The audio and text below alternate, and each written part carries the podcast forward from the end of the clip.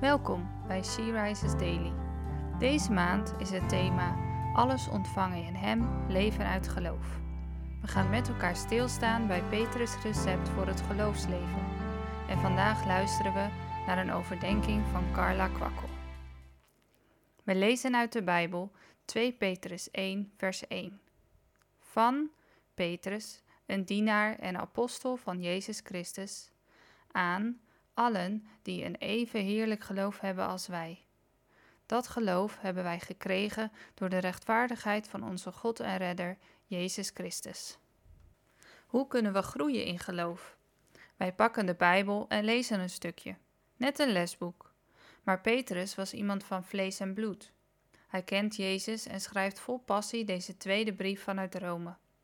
Aan allen die een even heerlijk geloof hebben als wij. Dus ook aan ons, het is 64 na Christus. Een grote brand verwoest een deel van de stad en keizer Nero beschuldigt de christenen. Zij worden ernstig vervolgd, voor de leeuwen gegooid of levend verbrand als fakkel in de straten van Rome. Petrus weet dat zijn einde nadert, maar toch moedigt hij de gelovigen aan om vast te houden aan de waarheid van het evangelie.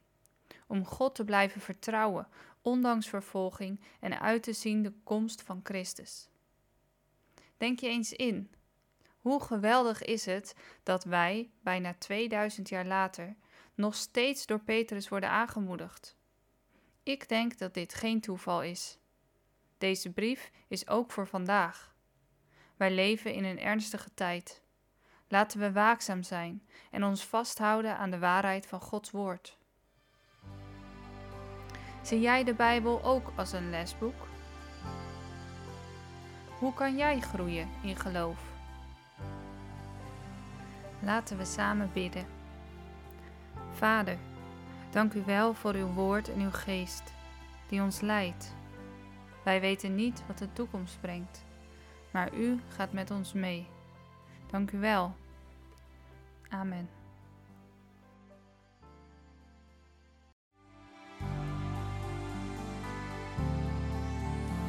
Je luisterde naar een podcast van She Rises. She Rises is een platform dat vrouwen wil bemoedigen en inspireren in hun relatie met God. We zijn ervan overtuigd dat het Gods verlangen is dat alle vrouwen over de hele wereld Hem leren kennen. Kijk op www.she-rises.nl voor meer informatie.